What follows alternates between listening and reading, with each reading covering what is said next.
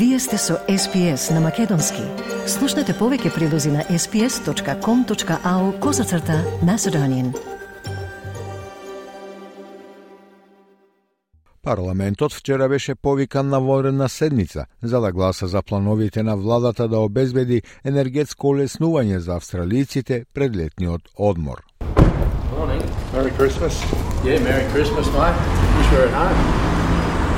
Good morning. Back at work. Good to be back. Absolutely. Everyone else is working. Why shouldn't we?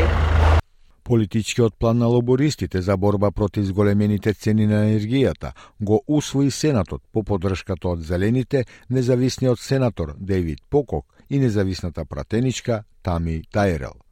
Законодавството и дозволува на владата да воведе ограничување на цените на бензинот, ограничување од 12 долари за гигаджул за 12 месеци. Исто така поставува мерки за олеснување на сметките за енергија од 1,5 милиарди долари за домакинствата и малите бизниси кои се очекува да ги се намала сметките до 230 долари од сметките за струја следната година.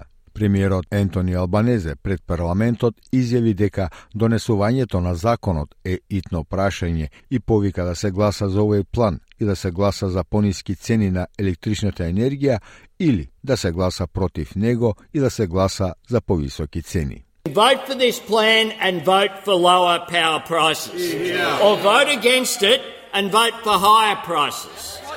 You can vote for this plan and stand up for jobs, for industry and for households. Or vote against it and stand with them, with companies, banking record profits and sending them offshore. That's the choice. Vote for this plan and be part of the solution, or vote against it and be part of the problem.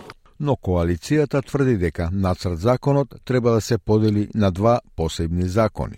Опозицијскиот лидер Питер Датон рече дека ќе го подржи делот за помош за домакинствата од овој пакет, но не и привременото ограничување на големопродажните цени на бензинот. Пред парламентот Питер Датон рече дека верува дека ова е катастрофално за економската политика во оваа земја и како што знаеме, вели тој, пазарните интервенции не се ограничуваат само во однос на влијанието врз енергетскиот сектор. Ке има и други компании во други сектори кои сакаат да инвестираат овде во овој момент, кои ќе го гледаат суверениот ризик што се создава од ова и ќе се прашуваат дали ќе инвестираат во земјоделството или ќе инвестираат во производството,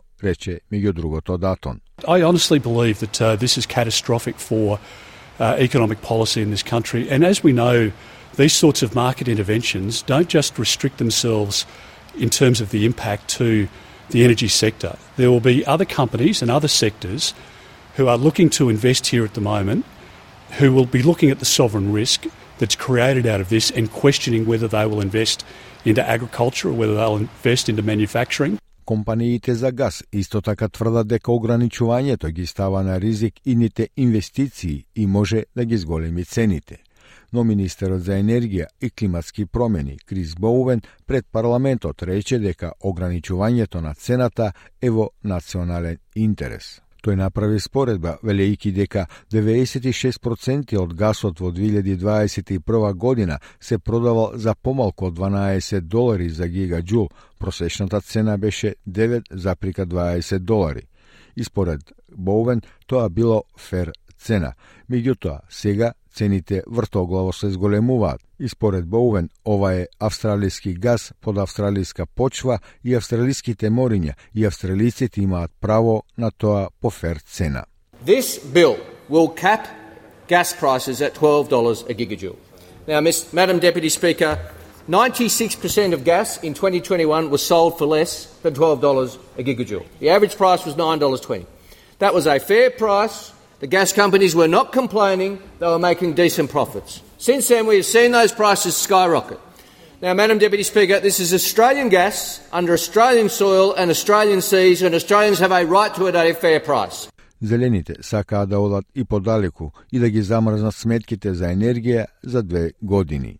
Но партијата потпиша откако обезбеди пакет помош за да им помогне на домакинствата со ниски приходи да пременат од газ на електрични апарати. Мерката има за цел да заштеди стотици долари годишно со ослободување од сметките за газ. Водачот на Зелените, Адам Бент, пред парламентот рече дека е време да се повикаат на одговорност корпорациите за јаглен и газ. Според Адам Бент, големите гасни корпорации прават рекордни профити, често добивајќи ги бизнисите и бесплатно.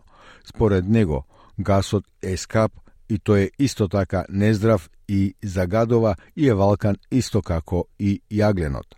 Адам Бент вели дека гасот не е нешто на кое треба да се префрлиме, тоа е нешто од кое треба да се ослободиме. Today is the beginning of the end for gas. Greedy gas corporations have been taking this country for a ride, making record profits, often getting their gas for free, and putting people through enormous cost of living pain. Gas is expensive, it is unhealthy, and it is polluting. Gas is as dirty as coal. Gas is not something to transition to, it is something we need to move away from. Влијанието на војната во Украина ја потекна оваа невидена интервенција на пазарот. Откако лабористите првпат го означија овој план во октомврискиот буџет, регулаторот за енергија вели дека гледа докази дека добавувачите почнуваат да ги намалуваат цените но тоа не гарантира дека сметките ќе се намалат. Прогнозите сугерираат дека сметките за енергија во домакинствата може да се зголемат нешто помалку до 700 долари годишно наместо 900 долари без законската регулатива.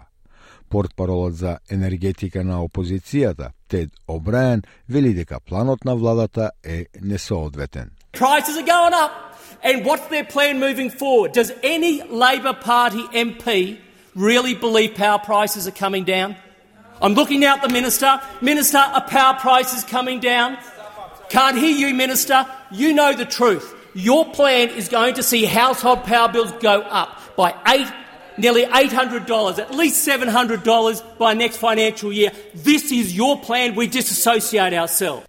Независната сенаторка Тами Тајрел вели дека иако законот не е совршен, таа го поддржува ако може да ги намали сметките за енергија дури и за малку.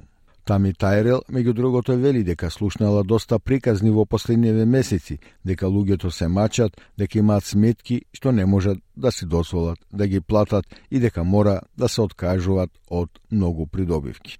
People are showering once a week because they can't afford to pay their bills. The soaring cost of living means people are making difficult decisions about how to feed their children.